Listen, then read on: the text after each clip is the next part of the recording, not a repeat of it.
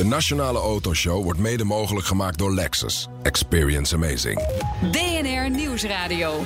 De Nationale Autoshow. Meindert en Wouter. Een aantal belangrijke primeurs, een handvol conceptcars en een boel nieuwe elektrische auto's, Wouter. Ja, heel veel elektrische auto's. Dat is die IAA en de notendop. De hele uitzending staat vandaag in het teken van de Duitse autobeurs. Welkom, een uur lang alles over auto's. Vanuit Frankfurt, Wouter en ik zijn neergestreken in de Messe. Ja, hier vindt de internationale automobielausstelling, kortweg IAA, plaats.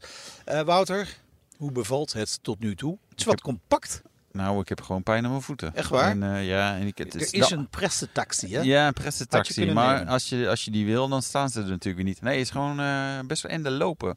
En vooral uh, hier, waar we nu natuurlijk Jaguar Land Rover stand, die staat echt, maar echt helemaal aan het andere einde. En, en de persruimte is dan weer ja, aan het begin. Ja, dus ja, maar goed, ach, ik ben pas drie keer heen en weer gelopen. Zwaar ja, leven, moeilijk, moeilijk, moeilijk. Maar toch, hè, Wouter, twintig merken afwezig. Wel genoeg nieuws over? Jawel. En uiteindelijk zijn er ook merken die er eigenlijk niet zouden staan, staan daar stiekem een beetje toch. Hè? Zoals eh, Renault met de Captuur en Volvo staat er niet, maar Polestar staat er weer wel. en, en Maar het, het, het, is wel echt een stuk, stuk minder. Um, waar we nu zijn, dit was vroeger echt de complete BMW hal volgens mij. En Ik kan me herinneren dat de vorige keer was hier gewoon ook een baan op een, een circuit op een verdieping gelegd waar we konden rondrijden. Ja, dat vonden ze deze keer toch wat, wat overdreven. Dus dat hmm. hebben ze maar niet gedaan. Nou. maar er staat, nee, er staat echt nog, nog, nog genoeg. We gaan uh, straks een uitgebreid overzicht van alle belangrijke primeurs geven. Maar we beginnen deze uitzending met een van de belangrijkste primeurs. Hier op de beursvloer in Frankfurt. Je zei het al, hè, we staan hier bij Jaguar Land Rover. Zitten. En we, zitten, ja. We zitten, ja. we zitten in een Jaguar. We zitten in een Jaguar, maar we gaan praten over de Land Rover Defender. Defender. Ja. Die is eerder vandaag onthuld in stijl, kan ik wel zeggen. Hè? Want ja. hij kwam ook heel stijl een helling af. Om maar even te laten zien dat het wel een echte Defender is gebleven. Ja, ik vond, ik vond het wel tof hoor. Ik stond op een afstandje te kijken. Uh, toen dacht ik, ja, dit is wel weer des Land Rovers. Om gewoon meteen vol erin. En niet gewoon een doekje van de auto. Maar hij kwam echt van boven, zeg maar uit het plafond zo ongeveer. Gereden over, over een brug. Ja, gaaf. Weet je, en zeg maar Big Bang gewoon ja. lancering. Ik bedoel, ja, ik had hem al Met een alle modellen? Gezien. Ja, nee, dat ook. Alle varianten en zo. Dus nee, dat, uh, dat is wel ja, gewoon heel lekker, erg gaaf. Lekker, lekker. Hij is er weer. De nieuwe Land Rover Defender. We gaan erover praten met Mark Bieneman. Hij is directeur van Jaguar Land Rover Benelux. Welkom. Dankjewel. Ja, in onze uitzending, want we zijn eigenlijk bij jou op de stand natuurlijk. Uh, de nieuwe Defender, we hadden het net over de presentatie. De grote baas van Tata was ook aanwezig. Absoluut, absoluut. Dit is natuurlijk ook voor Ratan Tata een soort van jongensdroom die waarheid wordt. Gisteren op weg naar mijn slaapkamer stond ik met hem in de lift. En dan was hij ook echt als een klein jongetje. Wil, wil je wat bekennen? ja, nee, nou, nu het komt was er mooi om de sprankeltjes in zijn ogen te zien. Dat hij ook uitkeek naar deze dag. En dat we na 71 jaar de opvolger, de lang verwachte opvolger van de Defender konden laten zien. Dus dat geeft ook wel het belang aan van deze auto, ook voor Tata? Tuurlijk, tuurlijk, tuurlijk, tuurlijk. Dit is iets waar de hele wereld een mening over had en heeft. En hopelijk na vandaag iedereen het over eens is dat dit uh, de perfecte opvolger is. Perfect. Nou, dat is wel, dat is wel een statement, hè? Flink over hebben. Ja, ja, ja. nou ja, je, je, gaat natuurlijk niet, je gaat nooit iedereen blij maken, nee. maar ik denk dat je wel, wel de goede kant op zeker op gaat. Is dit gewoon de grootste lancering van nou ja, de, de, dit decennium voor Jaguar Land Rover? Dit, dit is wel een ik, big ik, ik, ik, denk sowieso emotioneel natuurlijk voor iedereen ja. die net als ik heel lang bij Jaguar Land Rover gewerkt heeft, sowieso. Ja. Uh, en waar we het net over hadden, kort. Ik denk, ik kan me weinig persconferenties uh, herinneren waarbij de belangstelling zo groot was en waarbij ja. ook gewoon de volle, het volle half uur eigenlijk iedereen bleef staan. Er zelfs gejuich was en vanaf andere stands met camera's stonden om die onthulling te kunnen zien. Dus ja, ja ik denk dat het voor iedereen een groot moment was. Ja. En dat is een auto, dat is natuurlijk sowieso uniek. Dat een auto na 71 jaar vervangen wordt, dat, is, dat heeft nog nooit iemand gedaan. Nee. Maar waren jullie al overtuigd van de positieve reacties? Of was het toch, toch een beetje met nee, uh, angstzweet in de billen van gaat dat wel goed? Nou, ik, we hebben natuurlijk niet voor niks zeg maar, heel lang over gedaan. Ja. Verschillende concepten getest. En je moet natuurlijk, weet je, je kijkt zelf natuurlijk vanuit een, een, een eigen bril. Um, maar je bent heel erg benieuwd natuurlijk naar de reacties van, Ja. van, van andere mensen. Naar echt de, de, de Defender fans. Maar ook daarbuiten. Want we moeten Ja. natuurlijk wel met deze auto ook een bredere doelgroep aan gaan spreken. Dus dan ben je heel erg benieuwd wat, wat iedereen er dan van vindt. Ja. En het weet je, het, het, het, het, het grote eh, challenge die je hebt met die auto is dat de oude Defender, dat is een allemansvriend. Iedereen vindt die auto leuk, mooi eh, en stiekem willen ze er allemaal wel eentje hebben. Zolang, zolang er niet in hoeft te rijden. Want, eh, Nee, nee, zo, maar, maar, maar snap je? Ah, zo Iedereen, fantastisch iedereen heeft die. zoiets, als je dat oplost, wil ik er ook een. En Ja. dat hebben we denk ik gedaan. Dus om daar een Oké, dus je zit, even, je zit nu in de nieuwe Defender zit je gewoon recht achter het stuur? recht achter het stuur. Ongelooflijk. Eh, het heeft natuurlijk ook alles te maken met het platform waar die Ja. op staat. Ik Ja. Bedoel, eh, daar doen we ook de best of two worlds. Het is de most capable defender ever. Dus hij kan nog meer. Dat zag je net al bij de onthulling. En hoeveel Dus graden was kan- dat, dat hij naar beneden Ja, kwam, weet je dat? redelijk 45, zeg maar, de maximum, eh, zeg maar, eh, wat je kan Ja, doen. echt- En er stond, er een paar kleine steentjes om eventueel tegen te houden. Maar, ik, maar zag, ik zag toch wel mensen even achteruit deinzen daar. die dachten, oeh. Maar hij is dus de most capable. Maar tegelijkertijd, wat misschien een weerstand was voor mensen die zeiden van nou ik vind hem niet zo comfortabel, is het ook een hele comfortabele auto geworden. En is daar Ja. met name ook naar gekeken. Is, dat is, is dat ook de lange reden, reisafstanden. eh, re- reden geweest om helemaal te vernieuwen? Want dit is echt, zeg maar, oude, het heeft niets meer met de oude Defender te maken. Nou Ja, en nee. Want eh, laten we zeggen, qua capability natuurlijk wel. Dus wij Ja. zijn, eh, we willen twee doelgroepen be- eh, bedienen. Ja. Dat is natuurlijk de mensen die hem echt nodig hebben voor wat hij kan. Ja. Maar ook mensen die Dat is een zeggen hele van... kleine doelgroep, toch? Nou, wereldwijd is dat natuurlijk best groot. ja, hè. was Als je kijkt, eh, die echt utility is wereldwijd best wel een doelgroep. En waar we ook lang altijd een aandeel in gehad hebben. Ja. Rode Kruis Ja, is een makkelijk voorbeeld, maar er zijn heel veel voorbeelden. Maar de doelgroep van mensen die dat leuk vinden, maar hem ook gewoon mee op vakantie willen nemen, een daktent erop en Ja. daar dagelijks mee in de stad willen rijden, die is veel groter. Ja, want was die oude doelgroep ook niet gewoon iets te klein geworden?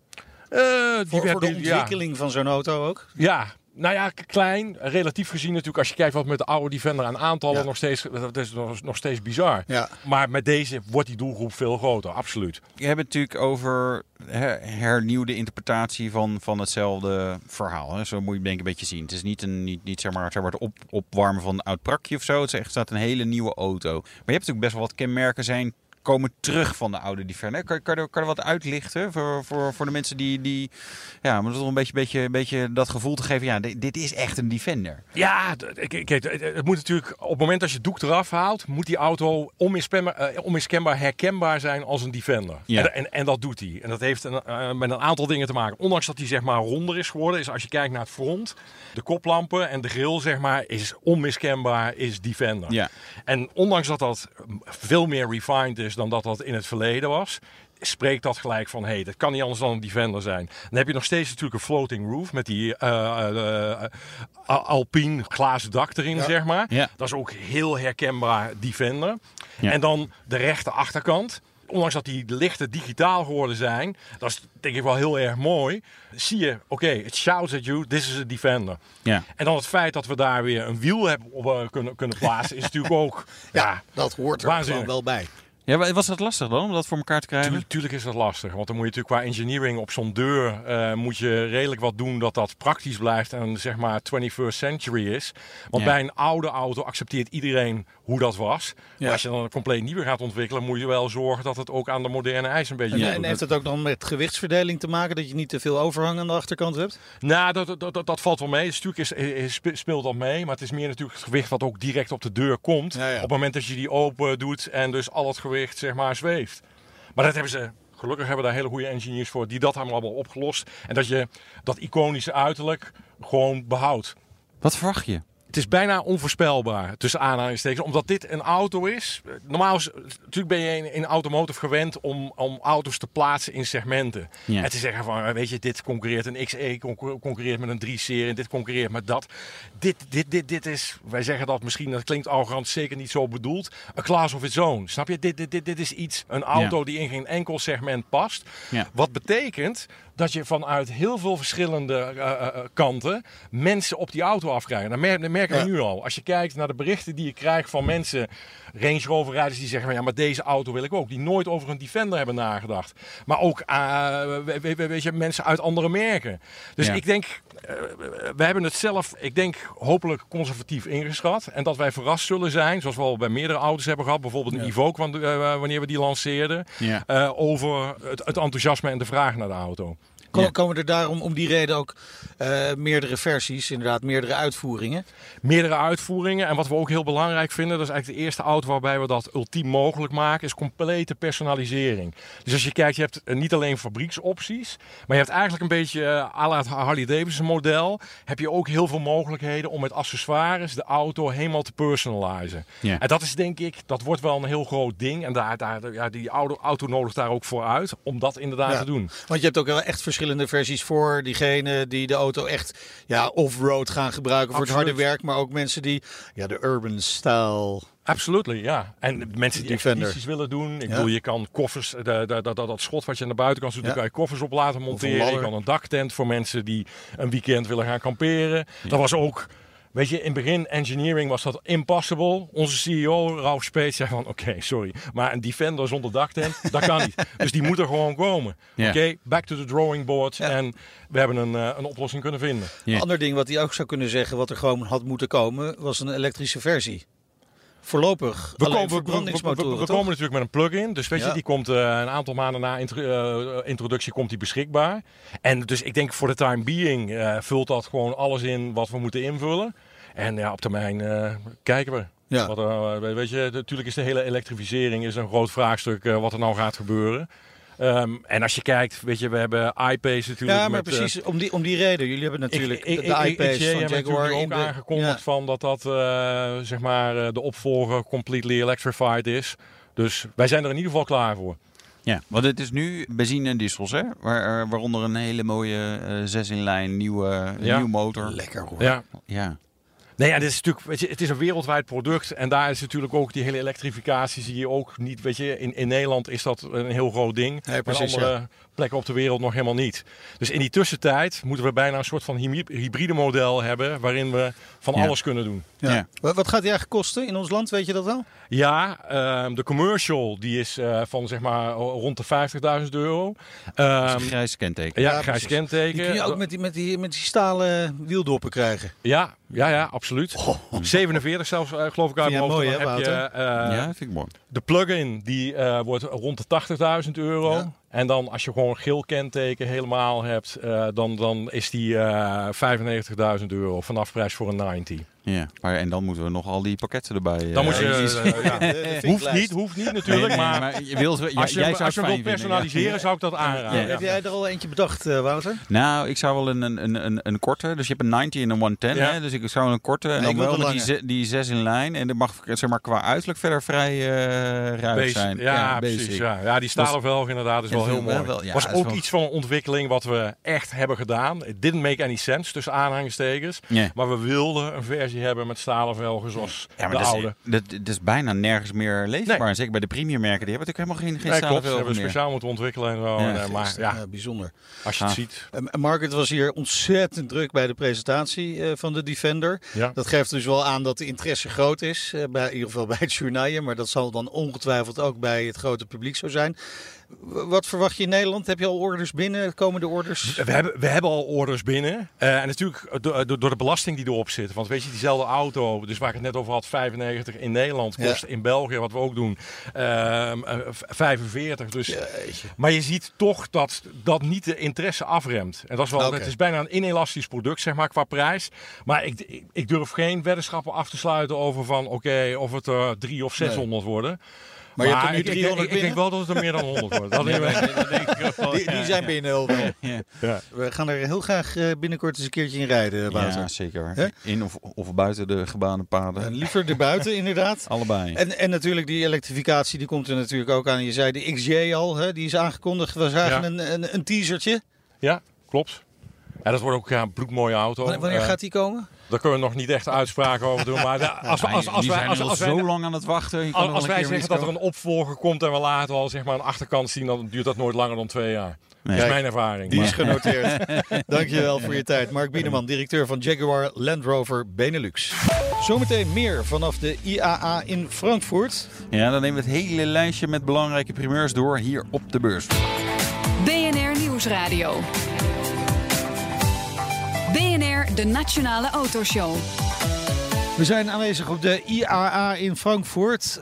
Autobeurs natuurlijk, waar toch wel een hoop merken niet aanwezig zijn, Wouter. Dat is jammer. Ja, maar we gaan daar gaan we niet over hebben. Nee, Het glas die is laten we- niet half leeg. het dat mag ik nooit meer zo eh, de- benaderen van Jan Lammers. De dus tank het is, nu glas de half vol. tank is half de vol. tank is half vol. Eh, we Als hebben de accu toch- half leeg is, is het altijd wel balen. Hè? Want Ja. dan eh, denk je, oeh, ik Ja. moet toch bij gaan laden. Ja. Tank half leeg, denk je, nou, Ja, moet je nog, even, nog 500 kilometer. even zo'n charger eh, erop knallen en dan eh, gaat het weer. Maar laten we het over de primeurs hebben, want die zijn De er wel degelijk.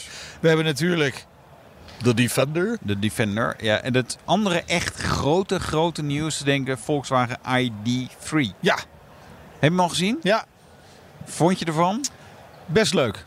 Ja, het is, het is, het is niet een hele stoere auto zoals die er nu nee, uit nee, kijk, eh, hij- staat niet gelijk op mijn bucketlist. Van oeh, die wil ik hebben. nee, ik wil hem best rijden. Ik wil hem wel Heel rijden. graag zelfs. Misschien ook wel, zou ik hem best wel langer willen rijden om even te kijken hoe Ja. goed of hoe slecht hij is. Precies. Het is volledig elektrische eh, Volkswagen. eh, Ja, hij ietsje is kleiner, kleiner, dan een Golf, maar wel Ja. ruimer dan een Golf beloven ze. Op een nieuw platform, MEB-platform. Ja, dit is wel big thing. Dus zoals Volkswagen het zelf zegt, zeg maar, je hebt de, de lancering van de Beetle, hè, dus de Kever, de Golf en nu de ID3. Dat is zeg maar, eh, ja, de, de hè, Volkswagen 3.0, zo noemen ze het zelf niet, maar dat heb ik er dan maar van gemaakt. Ja. Die 3 en ID3 staat ongetwijfeld wel daarvoor, maar goed. Komt volgend jaar al op de markt. Drie eh, verschillende accupakketten. Dus eh 45 kilowatt, 58 en 77 even uit mijn hoofd. 330, 420 en 550 kilometer WLTP-range. Prijs? Nou, die eh, middelste batterij komt er vanaf 40.000 euro. Of net onder de 40 is een beetje Oeh. onder de 40 hebben ze gezegd. Ik moet goed zeggen. Die grootste onder de 50 en die kleinste accu daar eh, roepen ze dan in Duitsland eh, onder de 30.000 euro. Hmm. Dus uiteindelijk wel echt gewoon scherp geprijsd. Ja. Wel gewoon Ja. bereikbaar. Ja, ja. En wat ik daar toch ook wil ver- vernoemen is het, eh, het dashboard. Heb je, je hebt hem niet gezien van binnen nog. Jawel, ik heb erin gezeten. Wat Ik heb vind je ervan? Het is, toch echt, wel, het is toch echt wel anders dan we gewend zijn van Volkswagen. Heel anders. Nee, dat vind ik aan de ene kant leuk. Aan de Nee, andere kant deed leuk. het mij denken aan de BMW i3. Ja. Met zeg maar net wat andere materialen, net wat andere kleuren, net wat... mm, Ja, maar het moet je- allemaal circulair tegenwoordig. Ja, hè? en weet je, en moeten denk ik van nee, aan de natuur, Ja, Wouter. nou ja, ik, het is niet geschikt voor radio wat ik nu wil zeggen, maar ik, uiteindelijk alles wat ik opeet, dat geef ik ook terug aan de natuur. Dus ja, weet je, Ah, oké. circulair. Hè? Ja. Eh, we kunnen nog wel langer over die ID3 praten, maar dat, dat gaan we nog wel een keer doen, want dit is wel groots nieuws. Ja. Maar er was nog meer groot nieuws. Nog meer groot Volkswagen nieuws. Ja. Het logo. Ja. Die is bepaald niet 3D. Nee, het is ID3. weer, nee, nee, het is 2D-logo geworden. Ja, Lekker plat. lekker plat, niet al te diepgaand. Nieuw lettertype. Nou, ja, ja, ik uh, blijkbaar Ja, was ze kunnen er weer jaren mee vooruit. Zo modern. Zwart-wit ook. Ja, wel bizar. Want ik vind dat soort dingen, logo's en huisstijl, kleur en zo veranderen, moet je dus overal gaan aanpassen. Dat kost zo klauwenvol met geld. En ik denk, nou ja, waarom? Ja, Ja, maar ze, ze hebben een nieuw image nodig. dat hebben ze. En het speelt toch nog altijd Ja. Piepgate mee. Ja. Ja. Denk het wel. Ja. Hey, laten we naar een ander Duits eh, geweld gaan. Primeur. De We zijn natuurlijk in eh, Frankfurt. Ja, de Rammers. RS7 Sportback. En RS6 Sportback, die had ik Ja. al gezien. RS7 die kwam echt, maar als eh, nou ja, verrassing was het niet, op de beurs. 4 liter V8, 2 turbo's, 600 pk, 800 Nm koppel. Sprintje naar 100 was volgens mij eh, 3,6. Ik, kan hem eens- ik heb hier een spiekbrief. Ja, die heb ik, ik voor mijn andere werkzaamheden maak ik dat. Ja, weet je, echt, echt heel dik. Hij is ook widebody, dus die carrosserie is ook breder. Dat was bij de vorige normaal. RS7 niet. Lekker. Ja, Lekker. echt lekker. En dan heb jij eh, ook al gekeken naar de Mercedes EQS. Ja, Ik EQS. nog niet. Ja. EQS. Ja, dat, dat EQ is dan- elektrisch. Ja, en dat zou dan een beetje de Taycan-killer moeten worden, denk ik dan. Wat dan weer een Tesla-killer is. Ja. Toch? Dus, Ja. dus, eh, maar weten wie er dat is dan wel grappig. Hè? Dat, ja, Tesla is er natuurlijk al. Eh, de Taycan die is ook productierijp natuurlijk. Die gaat er gewoon komen. Dit staat echt nog wel heel ver van productie af. Ja. Ja, dat is echt overduidelijk in alle opzichten een conceptmodel. Hele grote wielen. Mega grote wielen. Het is wel volledig elektrisch. Of vierwielaandrijving lees ik nu. Maar, eh, vond je hem mooi? Nee. Nee, Dus ik ben er heel eerlijk in. Ik vond hem niet mooi. Het is weer Het iets... een beetje protserig. Ja, ik zie het. Ja. Hele grote Mercedes-ster. Ja, Two-tone carrosserie. Nee, ik... nee, het eh, wordt hem niet hoor. Daar moeten ze echt nog even aan gaan werken. Nee, dus dat gaat hem eh, niet worden. De EQS. Wat gaat hem wel worden? Ja, Lamborghini natuurlijk. Ja. Hè? Die- je- zo verschrikkelijk mooi ook qua kleurstelling. Ja, vond je? Ja, vond ik echt Ik vond het echt een beetje gek. Beetje groen met gouden wielen, maar een beetje bronzen wielen, maar dan iets lichter brons dan je alweer had gehad. En een vind het wel. Ik hou er wel van Eh, dat mensen veel voor dat soort kleuren Ik vind kiezen. Maar ik zou het zelf... Oeh, ik zou het zelf niet doen. Maar dan ben ik ook niet echt in de markt. Jij houdt Lamborghini. je 2,2 miljoen euro nog even in je tas. Ik hou hem nog even in mijn In achterzak. in Ja, dat tas. is wel. Ja, ik vind hem qua technologie wel heel gaaf. Want is de, de, de oude V12, oude, de V12, 785 pk. Draait 8500 toe, maakt hoop herrie. Eh, Nog steeds gekoppeld aan een bak met een enkele koppeling. Wat betekent als je schakelt dat je dan zeg maar een soort doodmoment en dan daarna accelereert Ah, ja. weer. Ehm, wat hebben ze gedaan? Tussen bak en motor zit een soort eh, eh, ja, schijf. Er zit een elektromotor in. Die levert 34 pk. En die moet die schakelmomenten soepeler maken. En kan ook meehelpen als je echt volle pollen willen accelereren. Dus hij heeft 819 pk totaal. Dat is altijd wel lekker. goed, hè? Dat is gewoon goed. 2,8 seconden naar de 100. Ja. 70 tot 120, dus zeg maar die tussensprint, hè? 1,2 seconden. Nou, Er zijn er twee die naar Nederland komen. Er zijn 63 één voor jou, één voor mij. Zometeen Ja, ik ben nog even aan het sparen. spreken wij met Pieter Nota. Ja, de verkoopbaas van de BMW Group. En als we het dan hebben over de verkoopbaas, bedoelen we natuurlijk niet die in Nederland. Die is ook vast al heel aardig. Maar dit is echt wereldwijd. Dus die gaat over nou ja, alle verkopen. En dan kunnen we even een beetje doorvragen. Gaat het wel goed? En de elektrische auto's van BMW, komen die dan een beetje los? Want ja, dat is eigenlijk echt een beetje stil. Ja, ze waren ooit een soort voorloper, toch een beetje. Ja, Met de i3. En, en nu lijkt het wat stiller. Maar we gaan het horen. Zometeen. De Nationale Autoshow wordt mede mogelijk gemaakt door Lexus. Experience amazing. BNR Nieuwsradio. De Nationale Autoshow. Meindert en Wouter. Je luistert naar een speciale uitzending vanuit Frankfurt. Wouter en ik zijn op de beursvloer van de Frankfurter Messe bij de IAA. Wouter? Ja, dit is eh, editie 68. Met, nou ja, er zijn wel minder automerken, maar er zijn nog veel primeurs. Dus we kunnen, we kunnen wel wat bespreken, denk ik, dit en half echt uur. wel een Duits feestje, toch? Ja, dit blijft een Duits feestje. Maar ook de Duitsers hebben wel een beetje... eh, Het is wat minder geworden, hè? want we zijn in de hal. We zijn bij BMW. Vroeger ik kan me herinneren dat ze eigenlijk deze hele hal bezet hielden. Ze hadden een circuit hier Een liggen en er reden auto's Nou, rond. En, eh, dit is nu gewoon een traditionele stand. Maar toch, ja, traditionele stand, ja, is dat zo? We zijn aanbeland bij BMW Hal 11, stand D30. En onze gast is Pieter Nota, hij is de verkoopdirecteur van de BMW Group. Verantwoordelijk voor de merken BMW, Mini, Rolls-Royce. Fijn om u weer te kunnen spreken. Hallo. Heel fijn. BMW Mini, die zien we, maar Rolls-Royce niet. Waarom niet? Rolls-Royce heeft eh, een eh, vaste stand in eh Genève. We- daar waren jullie ook, eh, hebben elkaar ook gezien in maart. Eh, maar is niet op elke show aanwezig. Eh, Rolls-Royce heeft natuurlijk ook veel andere mogelijkheden ook, eh, om eh, bij de klanten te komen. Eh, heeft een heel specifieke doelgroep en die is niet altijd hier in Frankfurt aanwezig. dus, maar we zijn hier wel eh, zeer goed vertegenwoordigd met BMW en Mini. Nou ja, het is wel een stuk kleiner. Dit was de BMW-hal.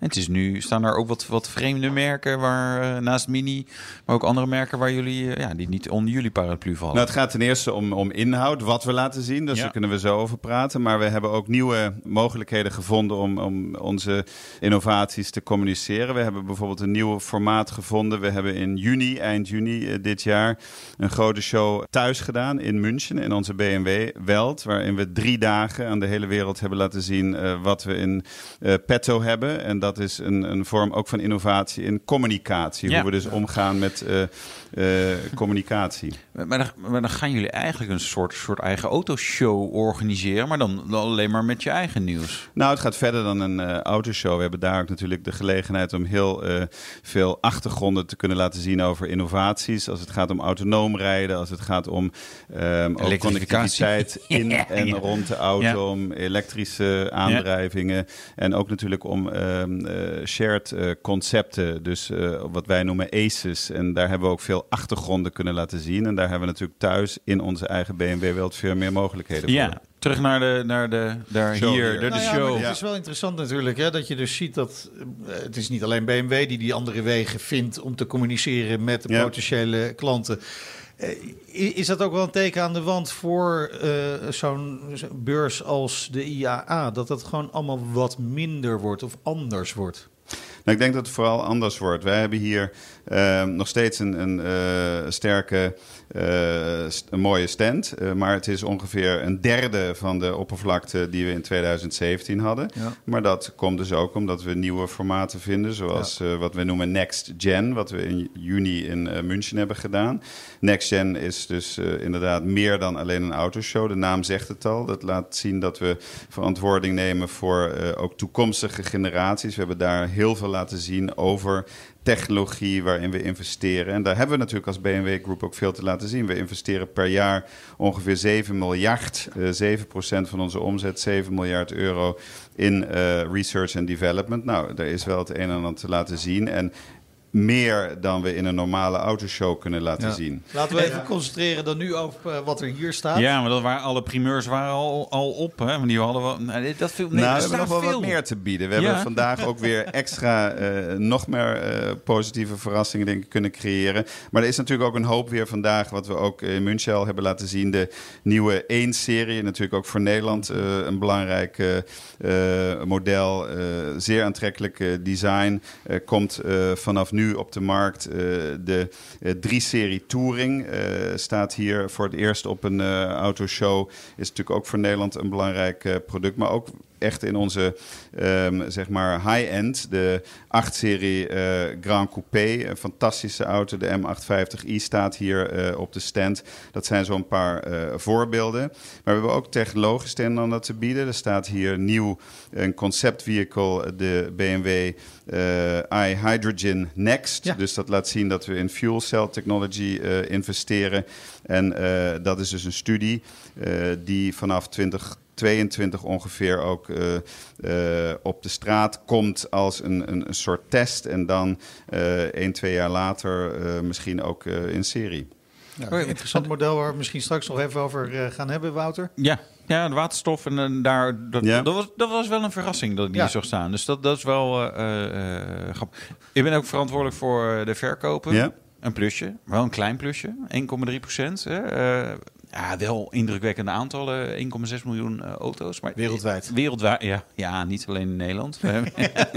dat Dan zou de champagne open gaan, denk ik. Ja, Bent u tevreden met dit cijfer? Nou, we zijn natuurlijk nooit tevreden. Maar het nee. is denk ik wel heel goed om te zien dat we marktaandeel winnen wereldwijd. En ja. we zijn als uh, BMW Group denk ik echt uh, succesvol uh, onderweg. we zien dat grote markten wereldwijd deels negatief zich ontwikkelen. Ja, China maar wij groeien en daarmee winnen we dus ook marktaandeel. In markten zoals China, zelfs duidelijk. Ook in ehm, Doen we het goed. Daar zijn we bijvoorbeeld uh, in augustus uh, uh, met 7% gegroeid en ook de maanden daarvoor duidelijk gegroeid. Ja. In onze thuismarkt Duitsland doen we het goed. Daar winnen we echt duidelijk marktaandeel. En dat zijn zo een paar voorbeelden. Dus we zijn met het merk BMW uh, goed aan het groeien. Maar het zou natuurlijk altijd een beetje meer kunnen zijn als ook de markten zich beter zouden kunnen ja, ontwikkelen. Het is wel een beetje tegenwind begint te ontstaan op, op, op de automarkt wereldwijd. Hè? Dus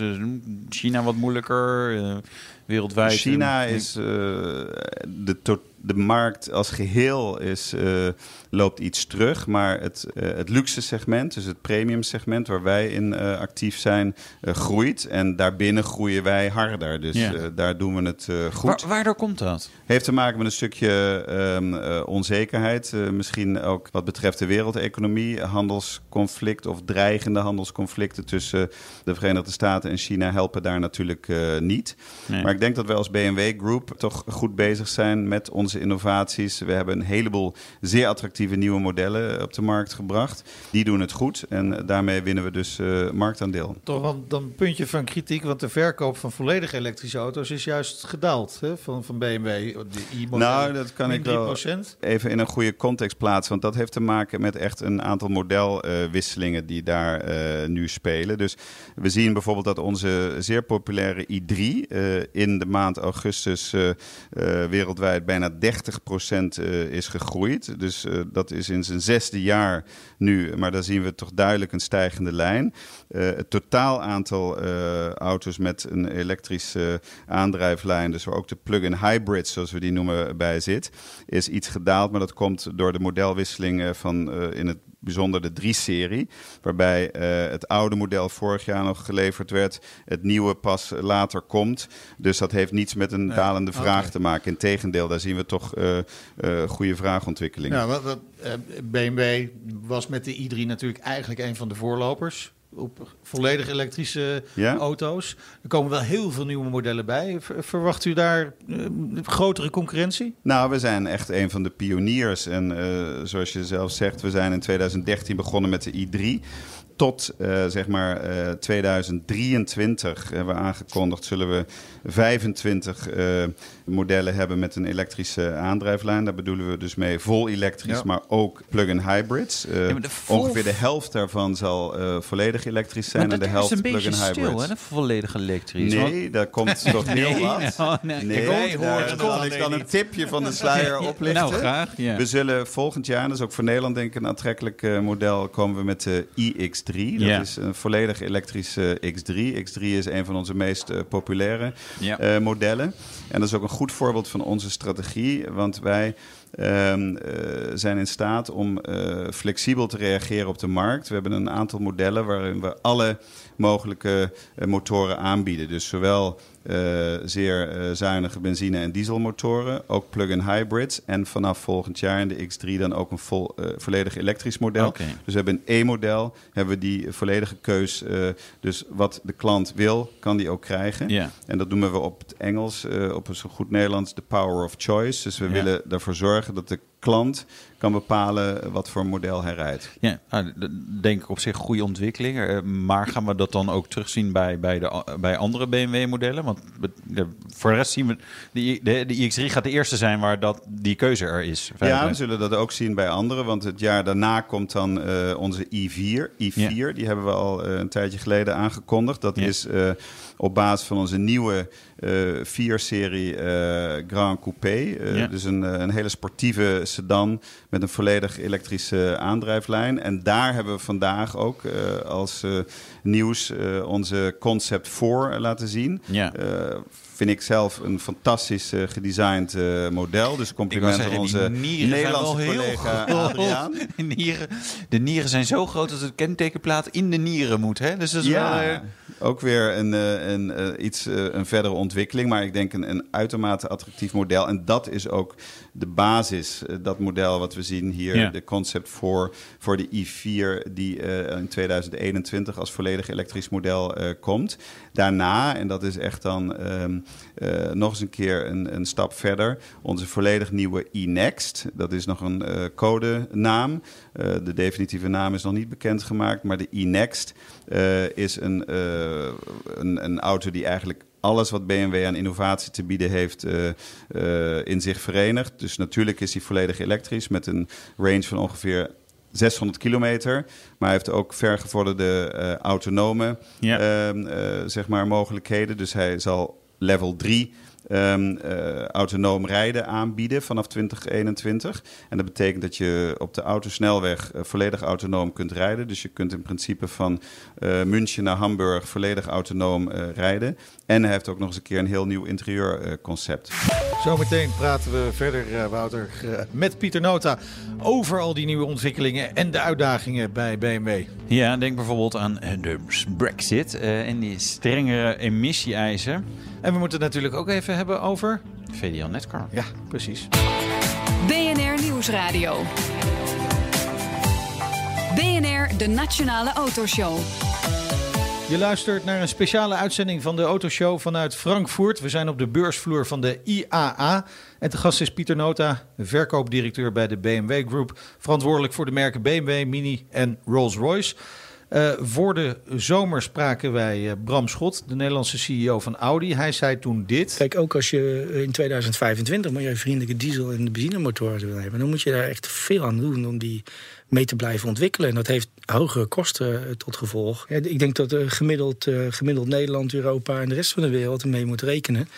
Dat in 2025 de mobiliteit echt serieus duurder is geworden. En, en dan praat je toch over 3.000 tot 5.000 euro. Dan kan je vertellen. Voor, voor een, voor een auto. Voor een gemiddelde auto. Ja, en ik weet niet hoe het zit met het gemiddeld eh, beschikbare inkomen in Nederland. Maar dat zal waarschijnlijk niet met 3.000 tot 5.000 euro Nee. omhoog gaan. Dus mobiliteit wordt duurder. Bent u het eens met de heer Schot? Nou, we hebben uh, als BMW Group uh, al heel veel ervaring met uh, elektrische auto's. Hè. Het is begonnen in 2013 met de i3. Ehm, we hebben onze hele reeks eigenlijk al geëlektrificeerd vanaf de 2-serie tot en met ons topmodel 7-serie met plug-in hybrids. nou, daar hebben we toch hele attractieve prijzen ook voor kunnen bereiken. Het gaat uiteindelijk, zoals wij dat noemen, of de, de total cost of ownership. Dus het is ook belangrijk wat uh, de uh, klant bespaart als het gaat om brandstofkosten, om energiekosten. Ook ja. natuurlijk belastingvoordelen horen daarbij. Ja, dat, maar dat lijkt nu nog wel soms een lastig verhaal om uit te leggen aan de consument. Nou, we, we, zijn daar toch steeds beter in staat. Als je ook kijkt okay. naar de website van BMW Nederland, dan zijn we denk ik zeer duidelijk ook in het uitleggen van uh, wat uh, zeg maar de total cost of ownership van een bepaald model is. Onze plug-in hybrids uh, zijn daar ook zeer aantrekkelijk in. En het is wel waar dat de technologie, ook de accu's van elektrische voertuigen, toch kosten met zich meebrengen. maar daar kijken we natuurlijk niet alleen naar de aanschafkosten. Het gaat ook, zoals ik zei, om de cost, total cost of ownership. Ja, ja, ja. Dus, dus dat verhaal is uitlegbaar. Uh, de, de aanschafprijs ligt wel hoger, maar geldt het ook voor verbrandingsmotoren? Hè? Want die moeten aan steeds strengere eisen voldoen. Uh, daar is technologie voor nodig om dat voor ja. elkaar te krijgen. Ja, dat kost geld natuurlijk. Nou, dat, dat, dat klopt, maar dat is niet nieuw, hè, die ontwikkeling. We zien het natuurlijk al jaren geleden kwam natuurlijk ook de katalysator voor het eerst uh, natuurlijk als jaren technologie. 80. Nou, oh ja, ja, tijd. Ja, maar die heeft, dat, dat was ook een behoorlijke uh, kostenpost natuurlijk. En dat Ja. is uiteindelijk natuurlijk ook allemaal verwerkt uh, in, in uh, prijs. Daar staan ook weer dan andere efficiënties natuurlijk in uh, productie tegenover. Maar het klopt wel dat de hele regulatie, uh, ook uh, eisen wat betreft emissies, ja, uh, brengen extra kosten, extra ontwikkelingskosten, maar ook extra productiekosten voor nieuwe auto's met zich mee. Dat Ja. klopt. En die moeten betaald worden natuurlijk, uiteindelijk. Door Zo iemand. is dat. Ja. Verkoop in Groot-Brittannië. Min 2,6 procent. Is dat vooral brexit? Onzekerheid? Wat we zien in, uh, in, in Groot-Brittannië, in de UK, is natuurlijk toch dat de, de hele onzekerheid rond de brexit toch wel voor wat uh, uh, koopterughouding zorgt. Maar we zijn ook daar met het merk BMW um, markt als het gaat om marktaandeel eigenlijk uh, positief uh, onderweg. Uh, Groot-Brittannië is voor ons een grote markt, zowel wat betreft afzet, dus verkopen, maar het is ook voor de BMW Groep een hele belangrijke markt als het gaat om productie. Ja. Het is de Ja. thuisbasis van twee van onze drie hele mooie merken, dus in dit geval Ja. Mini en Rolls-Royce. Ja. En we zijn ook natuurlijk qua productie voor Mini in Oxford duidelijk aanwezig. Dus wij uh, hopen nog steeds op een uh, uh, goed einde van de hele Brexit-saga. Ja, de, de, de no-deal Brexit is weer even, even afgekeurd door het Engelse Parlement, ja, parlement. maar ja, ja, niemand weet meer wat hieruit gaat komen. Wat als er een no-deal Brexit komt? Is dat, is dat een horror scenario voor jullie?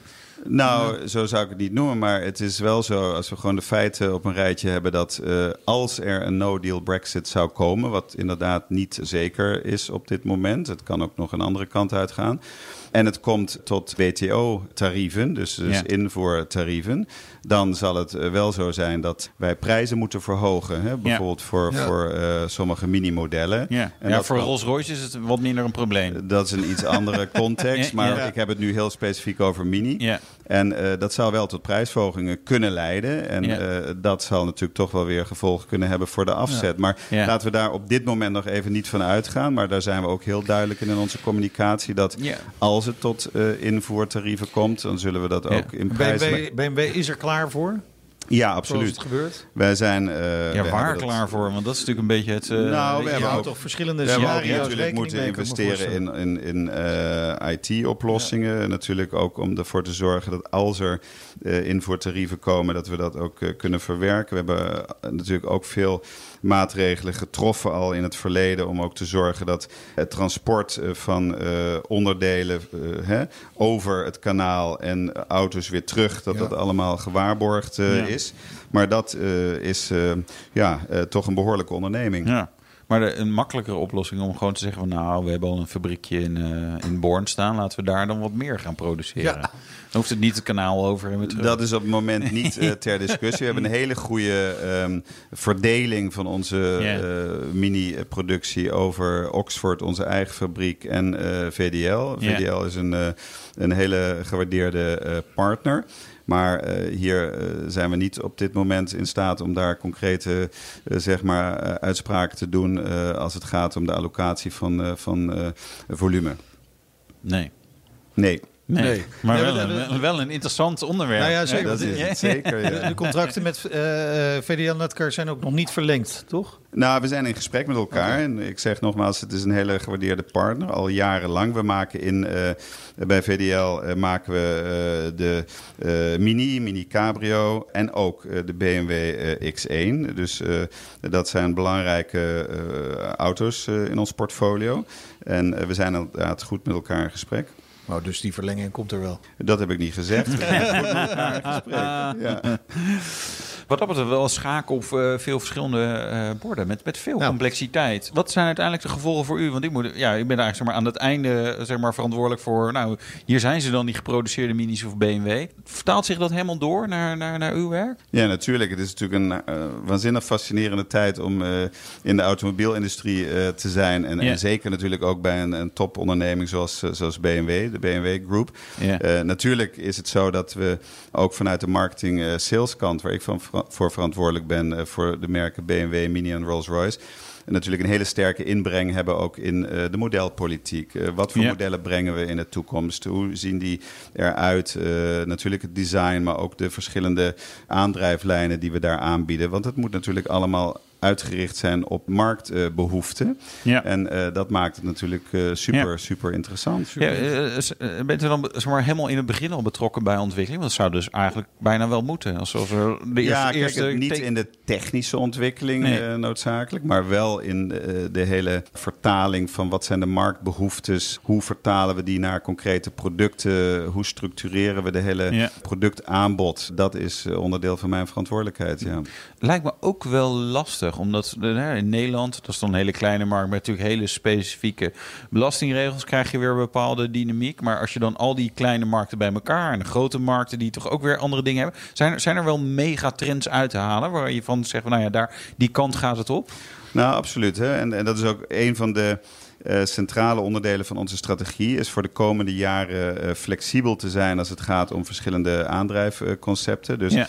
ehm, weet jij wat het aandeel van elektrische eh, motoren zal zijn in Rusland in 2022 Nee. of in Ja. Engeland? Ja. Nou, dat weten wij ook niet. En daarom bieden we eh, een concept aan, zodat we voor verschillende modellen, zoals bijvoorbeeld de X3, zowel eh, verbrandingsmotoren kunnen aanbieden, plug-in hybrids en ook een volledig elektrisch model, zodat we snel kunnen reageren op vragen in de markt en ook de consument dat eh, concept kunnen bieden wat hij of zij eh, wil. Ja. En naar de toekomst kijkend staat hier dus op de stand ook een waterstofauto. Ja, dus we zijn ook absoluut eh, Scherp, daar zijn we nog op bezig met Ja, Nou, inderdaad. ja.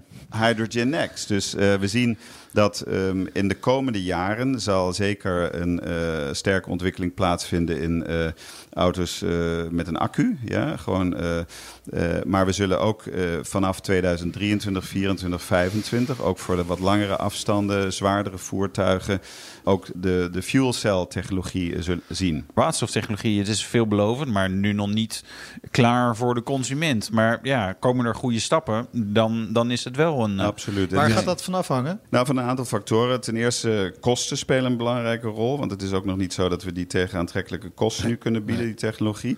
Maar ook de infrastructuur. Er moet natuurlijk ook een infrastructuur op eh, gang komen. Net als eigenlijk nu met het laden. Wat in Nederland eigenlijk al heel goed eh, geregeld is. Maar dat zien we eigenlijk maar in eh, heel weinig landen. Dat ladeninfrastructuur eh, goed georganiseerd is. Nou, dat moet natuurlijk ook weer voor waterstof georganiseerd worden. Dus van dat soort factoren hangt dat af. Ziet u dan een rol voor de overheden? daarin? Zeker, ook, ook in, in eh, laadstations voor elektrische voertuigen is natuurlijk belangrijk geweest. Ja. En dat is mogelijk, want dat laten we zien in Nederland natuurlijk. De Ja. toekomst. Ja, Misschien is die wel waterstof, in ieder geval batterij elektrisch. Ja, Daar ja. komt een help vandaan. Hartelijk dank voor dit gesprek. Pieter gedaan. verkoopdirecteur van de BMW Group. Volgende week zijn we gewoon terug in de studio. Nee, wat saai. Ja, zo Nou, even wennen weer. Ja. Houd eh, Twitter in de gaten tot die tijd. Want daar zie je al het moois wat wij tegenkomen in, eh, in de loop van de week. Dit was de Nationale Autoshow. Terugluisteren kan via de site, de app, iTunes of Spotify. Ja, eh, mijn naam is Wouter Karsen. Echt waar? Ja. Dan ben En ik ja? Meijnerd Schut. Ja, tot volgende week. De Nationale Autoshow wordt mede mogelijk gemaakt door Lexus. Experience amazing.